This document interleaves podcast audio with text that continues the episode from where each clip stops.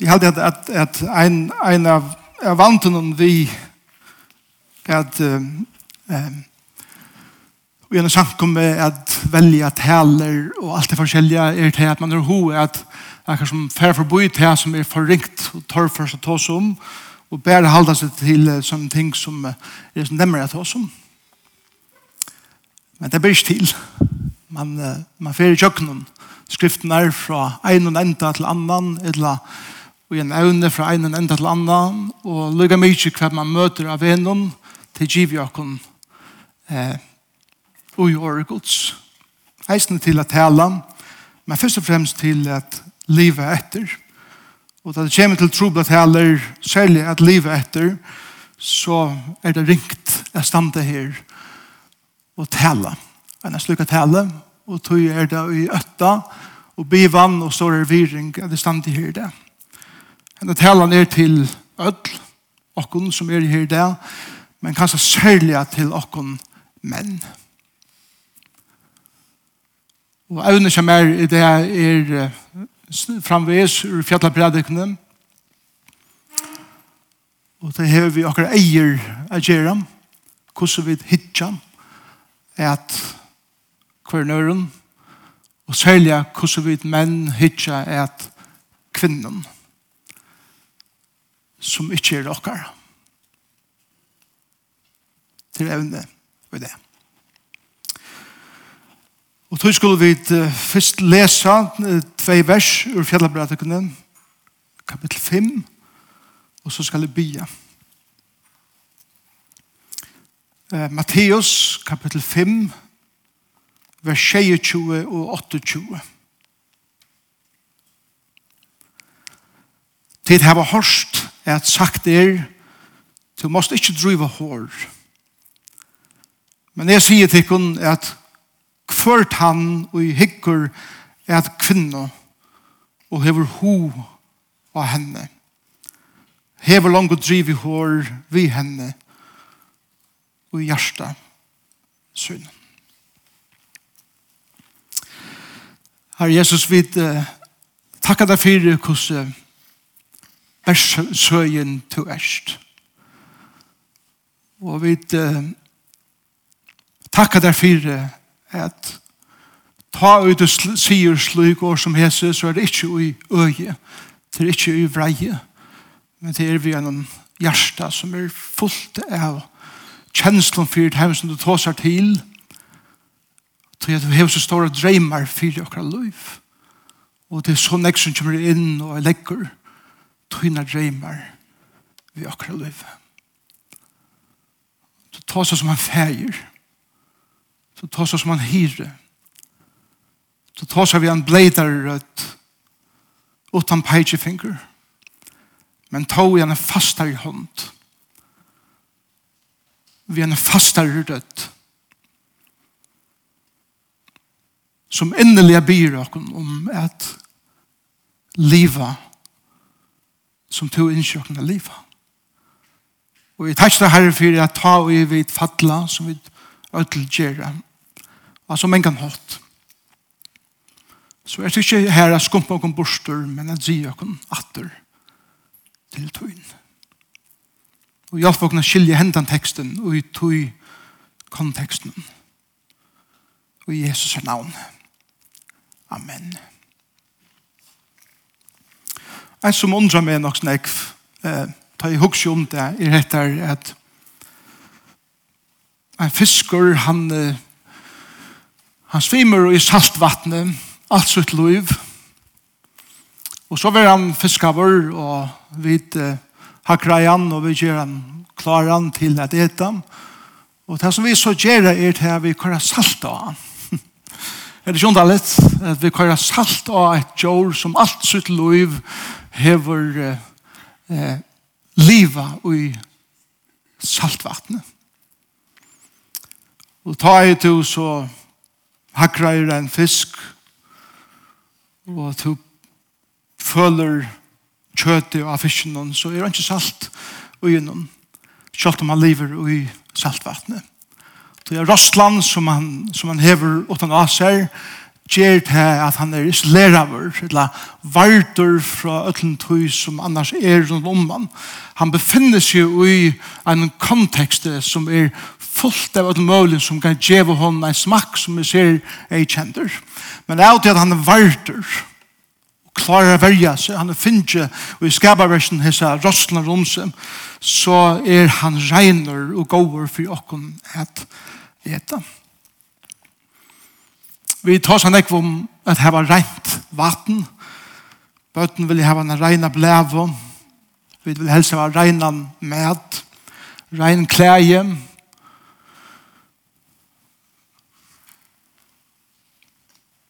Jesus i fjallatalene fer inn om til fysiska eller uttæra. Han fer alla veien inn til det innara og eisen til det gypsta innasta i okra liv. Og i det spyr han okken, hva er vi en regn om sinne? Hva er vi regn om egen? Hva er vi tog som vi lærte komme inn i okker sinne, og hvordan behandler vi det som vi hittar et? Og til det som er sånne teksten snur seg om, og, og i fjalletalene som vi tar nå vi i jøkkenen i nægra viker, og som vi kommer vi er i jøkkenen, så snur det seg om hvordan vi som er og bøten gods som lever og i rydde gods lever sammen og behandler hver annan. Og her kommer det til hvordan vi eh, djupt inn i okra sinne og okra hjärsta hitje et for nøren og dette evne er særlig galdende for menn, kjalt om til eisne involverer kvinner, kvinner så er dette noe som søvelige eisen av Jesu døven, særlig involverer menn.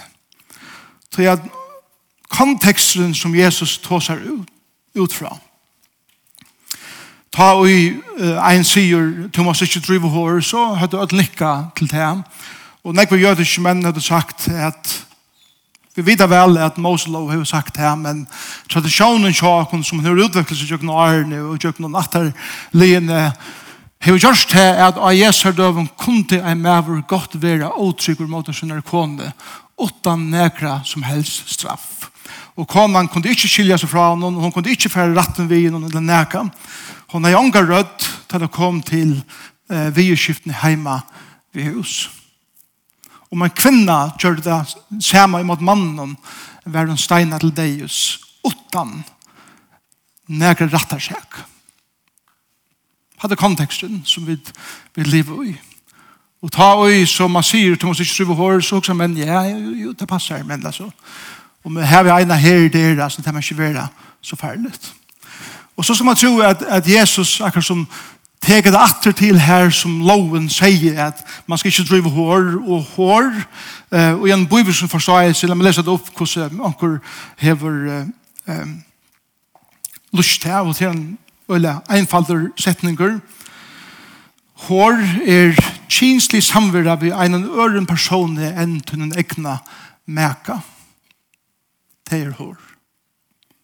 Det er å få en annan person enn løyve som ikke er tog inn, og som kanskje særlig høyre til en annan person. Og du stjeler den personen fra vikommand.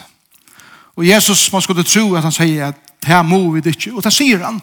Men det som han sier enn meir er til at han trekker håndbremsene enda langere atter.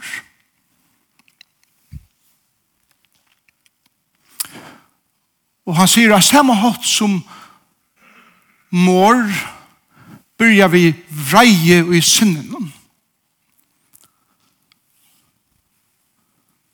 Så byrjar eisen i hår vi gyrnt i synden.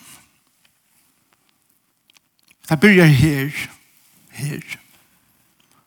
Og er en akten sjolv er utført. Og det tror jeg Jesus sørste det alle veien natter. Og, og jeg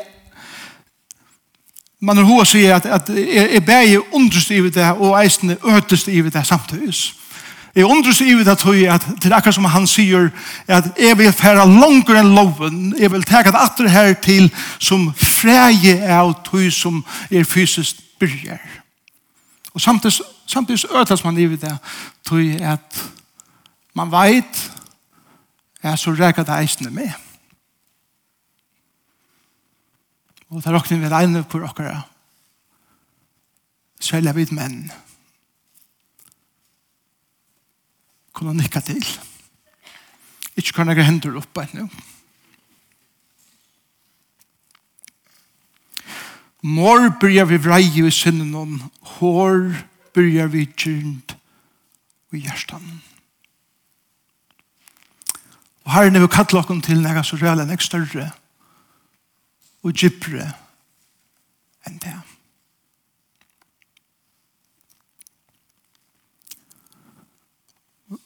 Grunden fyrir at dette er evne som er mer øyne nær er tog at for det første er det personlig for meg tog at jeg er fra en større familie selv, hver hatt har kom inn. Men eisene tog er at jeg sitter ved sånne falken. Jeg vil gjørst det sånne år. Hver hatt har kom inn. Og jeg ser roleikan og og svarene og etterfølgene er tog som det er valder som det er menneskene da jeg hatt kommer inn. Og nå snakker jeg ikke bare om eh, åtroskap og tjonaskillene og alle tingene, men eisene. Da det kommer til at det er en kona finner ut her at Maren Kjassar i Aravis har vært avhengig av pornografi. Og sitte og gjernt frem av fjerne skjerme et eller annet ting.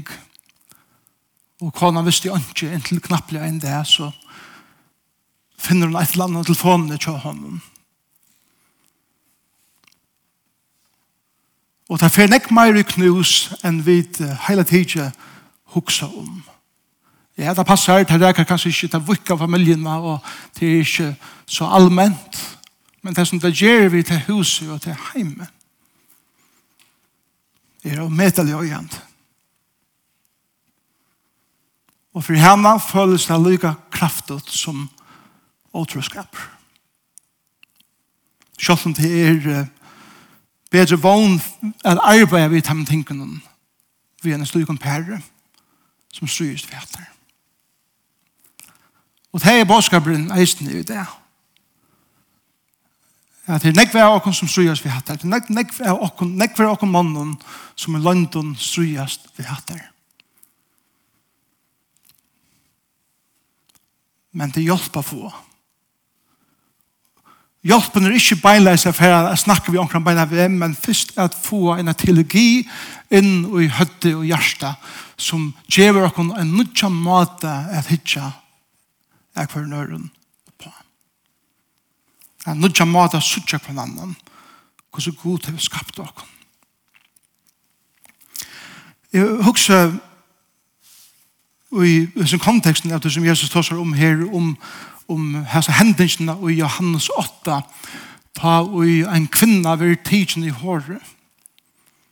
Og reaksjonen til det var et lovende pura rødt som, som mennene som var tjastader ta han var drien her til og hadde fengene i, i akten i kjølværet at det tog steinar opp til at gjer seg klare til steinene men still, ikke rattarmal steinar til deis av stenen ta han var fengt at det var verleikjen ui i gjerne stenen i Israel av Jesus er døven. Og Jesus, han vil begynne å komme her til den regner det her frestan. Og Jesus som veit hva det er tar av gjørsten, i stedet for er ferdig en diskusjon, sier han er tikkun som er utan sint. Kaste fyrsta steinen.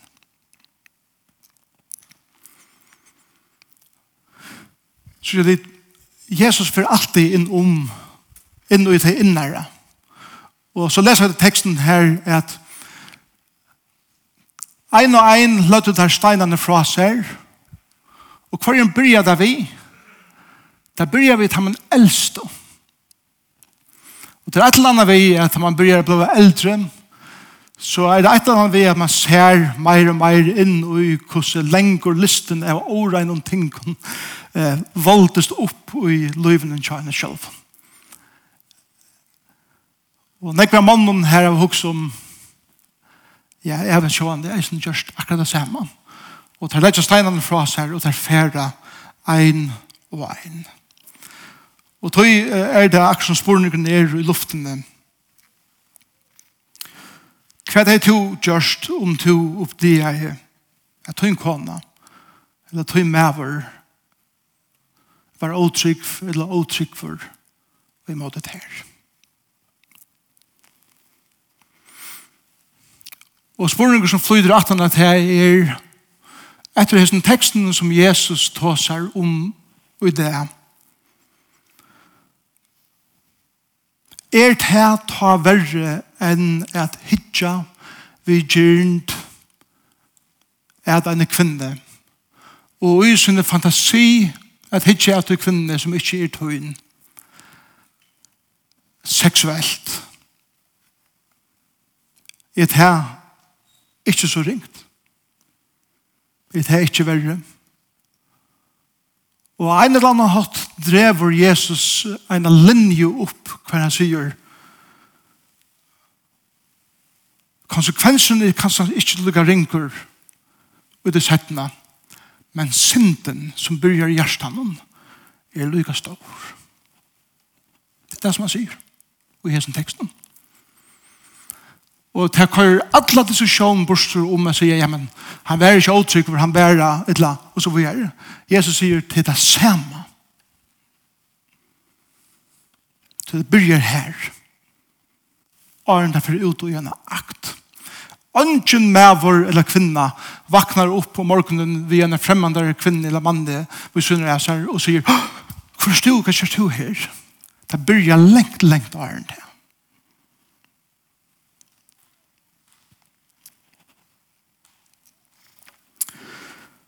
Hvordan dømer vi et moralst? Jeg spør en grunn som Jesus spyr oss.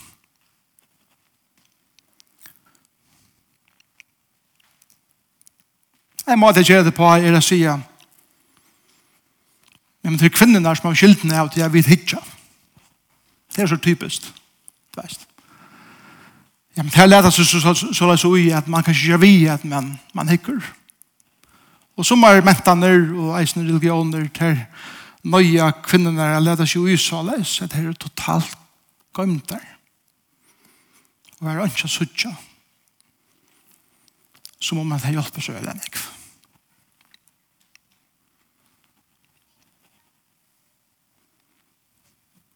Jesus forstetter ikke her. Jesus forstetter ikke at jeg røyner at jeg gjør noen øren skyldene for mine synd. Jesus forretter mannen noen. Og det tog jeg sier henne, henne talene, særlig for menn, til at Jesus tåser til menn her beint. Kjalt om til eisende galtene ved kvart for kvinner, så er det mest menn. Han fører etter hånden som ikke best hygger, men hygger vi gjernt. Og til den store måneden her beint. Kan man så ikke hygge av hver nøren? Anker, uh, anker sier vi med uh, en av at nå har vi funnet på sånne øyne goar munnmasker, som, som vi gengar vi nu. Man borde gjøre sånne som eisen kar opp i egene, som har et eller annet slag klaffen fire, at man hikker. Men, men, men det er ikke det som Jesus tar seg om hele tiden.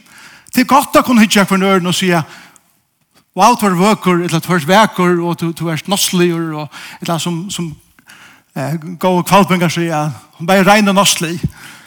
Det, det er og i ordan at man hikker av hverandre øren vid en røtten kontekst men det som Jesus tar seg om i Hebrein, det er og det som hender vi at hitja, og han tar seg heller ikke så langt vi hitja til neka, og han har hukst mer en 20 sekund. Det er ikke vi til å gjøre det er det som langt er i hjertan, og det er at jeg har en løvstøyl som tar og hitja at en kvinne, så fer nega gang til min løyve som er det gjørnt, som vet jo en fantasi om hva det kunne gjørst vi til kvinnerne kinslige. Det er det som Jesus forretter. Og store tro ble ikke av okken mannen er han at lykka fra bandsbeini av. Drønger som er 6, 6, 8 år gamle vil ha langt i det åpenlyst åpenbæra er til pornografi av skjermen eller i reklamen og alle mulige er at erotiske som ganger fyrir seg i akkurat samfunnet. Etter tog jeg sier at det er utrolig at en fisker kan svimme i saltvatt altså et liv og korsen er ikke være salter i kjøten. Vi svimmer i en heve som er totalt erotisk totalt baserer på at det er kinslige og seksuelle. Hvordan kunne vi som godsbøten svimja ui hæsen?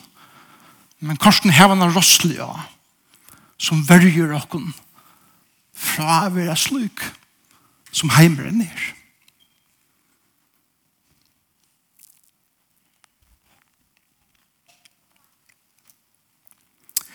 Jesus for etter okken som ikke best hitja, men hitja og gyrnest. Fantasera om om kvinner og en slik han hatt som gjør at vi leder der ur og gjør akten av vittamen og i tankene. Og så gjør det Unge dronjer som er bundner av pornografi og alle veien opp til der er menn. Laknar og viser, viser atter og atter hvordan heilen er avvarskar av det. En maver som er bunden av pornografi klarar ikke at heva en vanlig samtale vi en fremmande kvinne utan at huksa seksuelt om henne. Det viser han ikke hva kan. Og så heldur man at, ok, nå gifter han seg, og nå skriver han undre papur, nå kvarver alt det at nå er en kvinne kommet ned hans liv. Og slukt kvarver ikke ved en underskrift hver tid. avhengigheten av pornografi heldur affram inn i tjonabandet. Og i tøy. Inntil jentan eller kvinnan finner det av tøy. Og hun føler seg totalt svikna. Totalt skytna. Til mævren hever åreiner av skjermen om vi er en kvinnan. Og hon føler seg orreina og dolka ja. Her det samme. Men det er ikke bare her til lykker. La meg fære oss inn i godfrøye. Det som hender er til at ta og jeg med vår gyrna sånne kvinne og i sin fantasi gjør det som han er hoa gjør vi henne kinslige. Så blir hon eisende et objekt. Objekt og vil ikke langer behandla som et menneske. Det er den store trobeleisen ved pornografi. Det er så fra at til skapene verkje, og vi husker om imago dei, som betyr at vi er skapt og i bylede gods. Kvørst et menneske som er født inn i hendene heim, er skapt av en gode som hever store dreimar for det menneske, som hever store karlaga til det menneske, som hever så store karlaga til det menneske, at han døye for det menneske og krossen. Og det er vemmelig vi at gyrnast denne kvinne er det at et hætje hette vekra som Gud hever skapt til et endamal i henne av livet Og vi bruker det her som en tvøve for mine gjernt. Så det er strakt det her som god til vi gjør vekker under mine foten og gjør det skite og tvit. Hatt det teologien og i alvorligheten er av gjernt. Han kvinnan som er hitje er at skjermen som av einar Ein til øren sted og i søgne løyve viltest og enda i ute i pornoindustriene. Og enda i en film eller enda i en skjerme som vi mynten og så vi gjør. Han kvinnan som er tøyt objekt er skapt og bøyla det gods. Vi er en underfotel endamal som god heier vi henne og som Jesus døy av krossen og fyr. Og jeg behandler henne som en klut. Så er det hva Jesus gjør i sin teksten nå. Han fer etter til innast og hjertan og bønner og ber og om jeg vender dere fra slik. Til menn, til ikke tro, tro ble ikke hvordan en kvinne er uiledd. Og jeg skal ikke få etter noen av oss her, det er at det er ikke teksten om, om hvordan tid kvinner burde være uilatne. Annars tar seg bøyden om det her. Det er en annen tale om at være lette seg sømmelig og i som er begge galtende for menn og kvinner. Og anse etter hvordan vi eksponerer oss. Det er kjent av talen og det er. Og det er det viring for skaparversen som Gud har skapt. Viring for kvarnøren. At hitje er okkon og i jøkken egene av imagodei som er bøyla gods og hitje av en person og sier hesen personeren, hesen personeren, hesen personeren. Ötlvid som er inne i hebent er skapt og i bøyla det gods som betyr Det betyr ikke bare at det tekniske er at så vi har kjensler, vi har vilja, og vi har ja, intellekt. Det er en parstre av skapter i bydelde gods. Men det som det er for vi vujere vi, det er at ein og for okkar som er inne i hebende det. Og vi er ødelig imisk. Ber et eller annet av Guds natur som i jøkken må i måte jeg være på og at agere på, og at uttrykke meg på. Jeg spekler når jeg er hver god er. Er det ikke fantastisk? Måte som to er på, jeg spekler skaparen.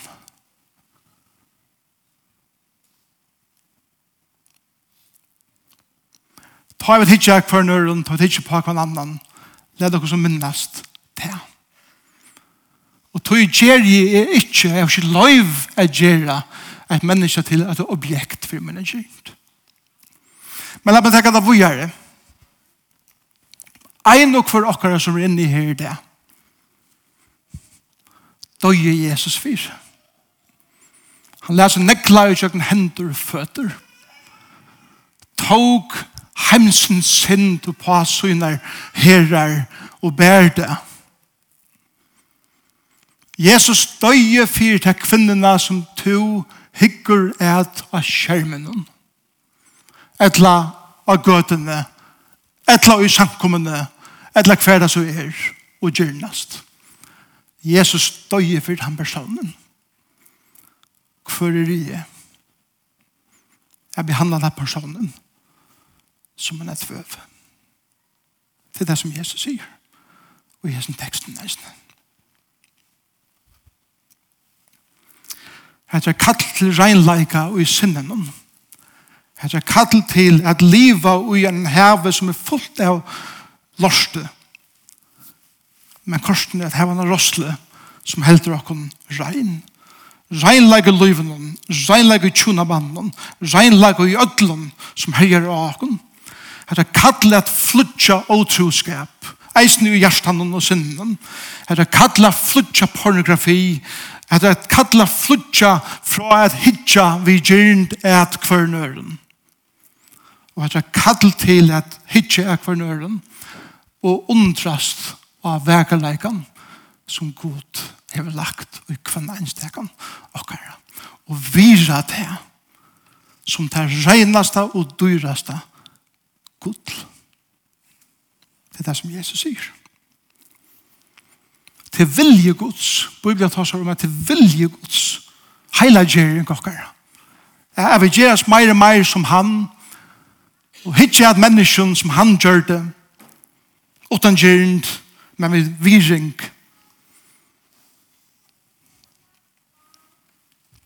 For kinslig er innenfor tjona bandet. Onge er av steller. Kvarstjå åren eller åttanfyr. Han er skapta til å være i tjona bandet. Det som Onkel har sagt at, at, at, at det kinslige utenfor tjonabandet er som at ein en, en peis heima við hus, men bare kinta vien og gulven og tog at, at man heldur det så deilig honalett og heit. Og eldur sum ralt huset. Man hever en brennjån som er innanfor nekka karmar som ger at eldren inni her er trykker, men vermer huset jo. Det er kjensler innenfor tjona bandet som god til vi giver jo åkken det. Og ikke utenfor. Det vilje gods for akkurat løyve. Han har designet åkken så leis. Det er alt annet og lekker så med henne ekv. Et annet som han kallar åkken til er flutja siløyse. Siløyse, året siløyse er året porneia som pornografi kommer fra at, at ta ui vi kommer gjennom støve, at det steg fyrir at klitsjokken er nå, at, at, at, at sida fantasien i gang. At gjøre som Josef gjørt, flutja, renna fra støvene. Et annet som er områdende er reisende, at kjenne seg sjølven. At hver en område er i veikur, Og hver en øke er jeg veikur. Og jeg bia til god inn i det øke. Jeg styrker det. Og jeg gjør meg folk rundt om meg som ser meg med mer, kunne hjelpe mer ut hos som jeg styrer i. Så det er pornografi og, og gyrnd og alle tingene er ikke noe som vi da eier bedre på selv.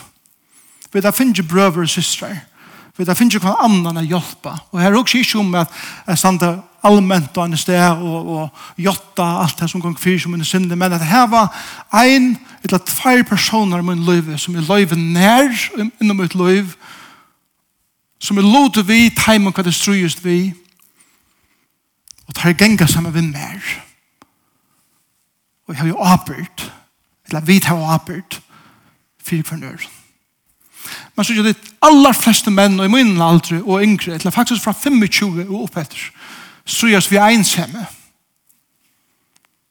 Her var ungan verlig vin. Jo, jeg har fullt av vinn som spiller fotball sammen vi, eller gjør andre ting sammen vi, og arbeid sammen vi, og, men, men ta det kommer til det verlige innaste, så er jeg jo lensam alder. Han var jo vankren inn her. Til det ensamme gjør det her, at jeg, jeg må være med i alt mulig som ikke burde. Det er viktig å kjenne seg selv hver er jeg veikur? hver har jeg bruk for det? hjelp. Hvordan lærer jeg å stande i måter en hukkbore og livstøyle som er jeg kjenner er gjent. At andre er å kjenne god. God finner seg ikke i at vi behandler hans skapning. God som objekt.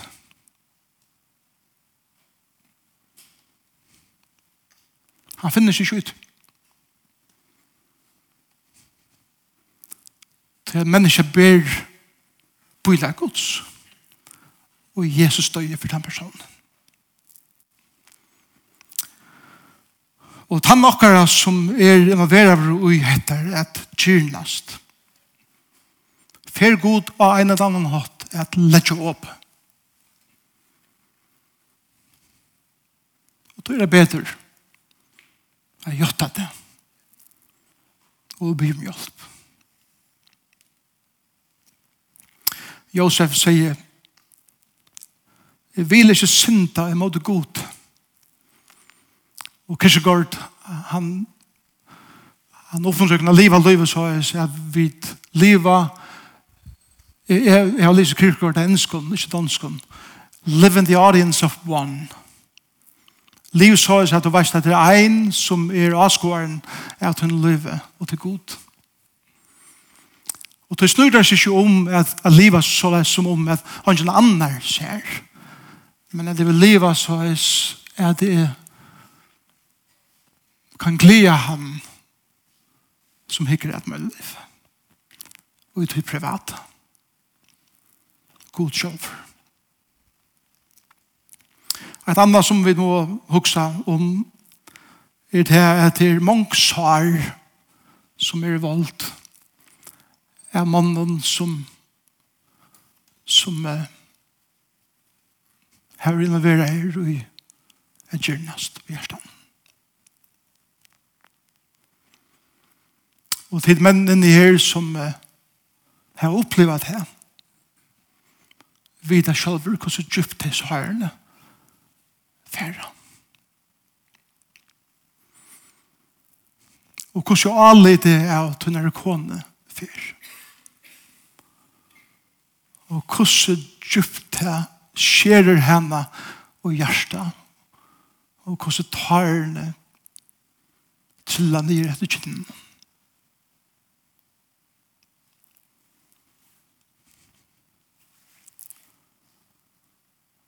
Og alit kommer ikke atter utan vi er. Alit teker manner i hvert år er bygget opp atter. Og i stedet for jeg kunne leve til tøyene og glede og respekt for hver nøren.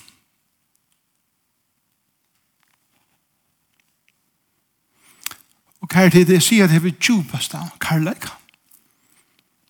Det er ikke en peising for finger frem hjemme og kontet. Det er ikke veveren. Det er ikke sjelden jeg på plass. Og det tror jeg som jeg ber å begynne vi. Jeg hadde ikke Jesus på nærmere måte sier på hentet maten. Jeg hadde han tås av vi en djup og brått noen hjerte.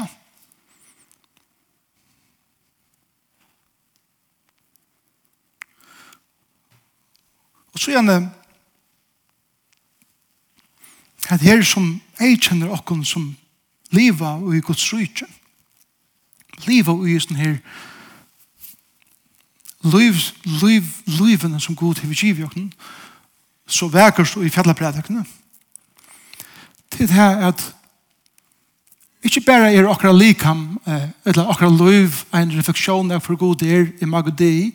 Det er heller ikke bare at Jesus døg for okra krossen, og gav sitt liv for vi kunne være fri men eisende at akkurat likam er tempel heliandans. Heliandan hever tidsi bostad ui okkon.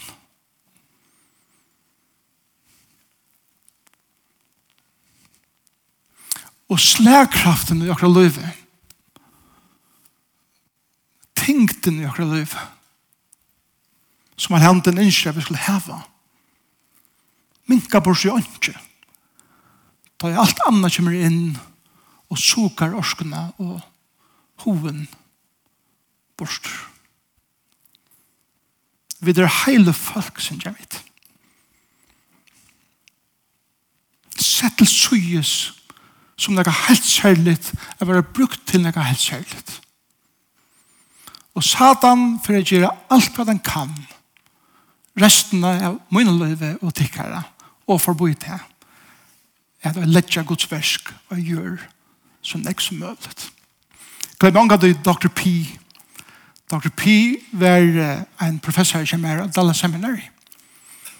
Han døg for noen faen år siden, 52 år gammel. Da han taler i Jesu talene i chapel, som vi kallar det, var han 46 år gammel. Nei, han var yngre da. Til longer, jeg hadde jeg var 6,5 år gammel, hvis jeg minnes rett. Lykke mye.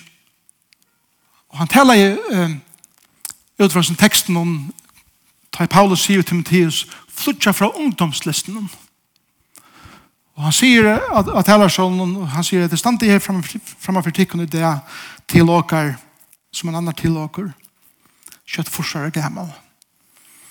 Og Paulus sier til Timotheus, en unga mann, flytja fra ungdomslisten. Og Og så sier han vi åkken. Og ungdomslistene færre ikke ta du er blitt forsvarer gammel.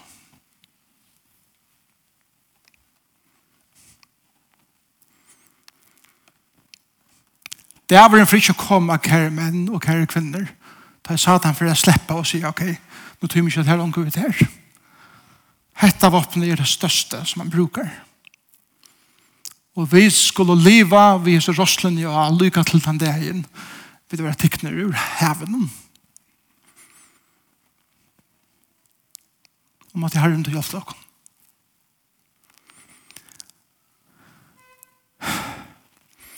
Hva gjør det Jesus vi kvinnerne som var tidsen i håret? Mennene får og lenda var bare teipa i etter. Og Jesus brukte ikke høve til å skjelte henne ut. Men i Kajlagsfot låren sier han vi henne, kvinna,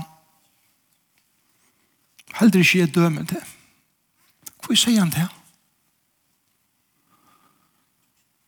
Og han sier til henne det. Så han er jo tid til tøynda om. Han er jo tid til tøynda om.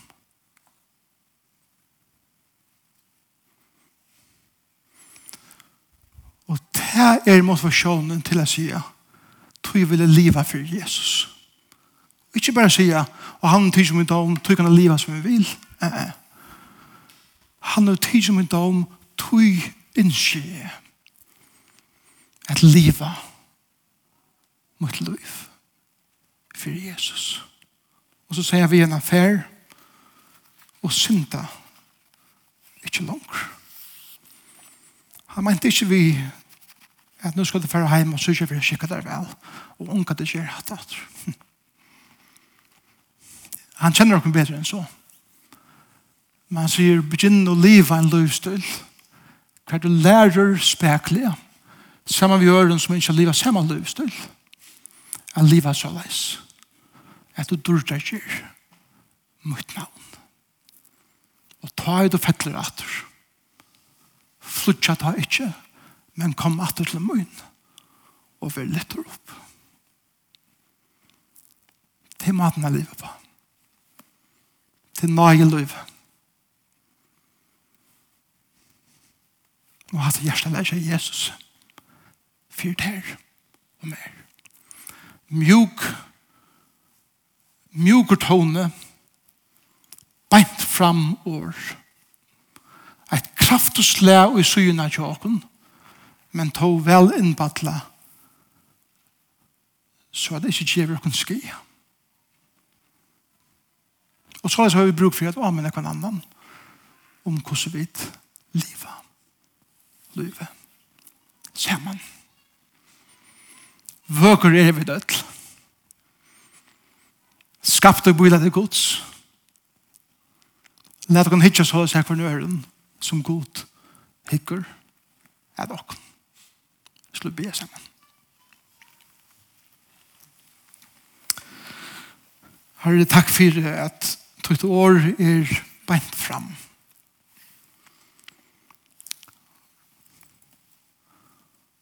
Og jeg innskje at takk deg for at du fyrir tjøvkens drøkker. Og du endrer deg åkken. Og du stiller dere kletten. Og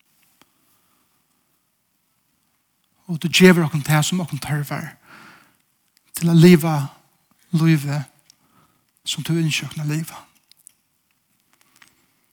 Takk for at jeg vet kunne tega slike tekster opp i samkommunni her.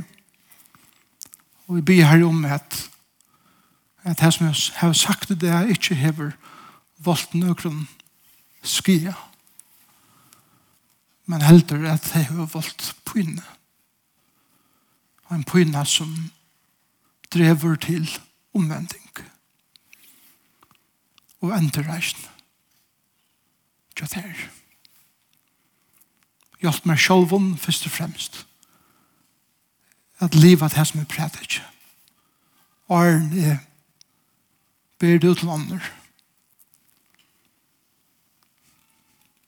hjelp meg å vise kunne gjøre nei samtidig som vi halda fast om hverandre og i Jesu navn. Amen.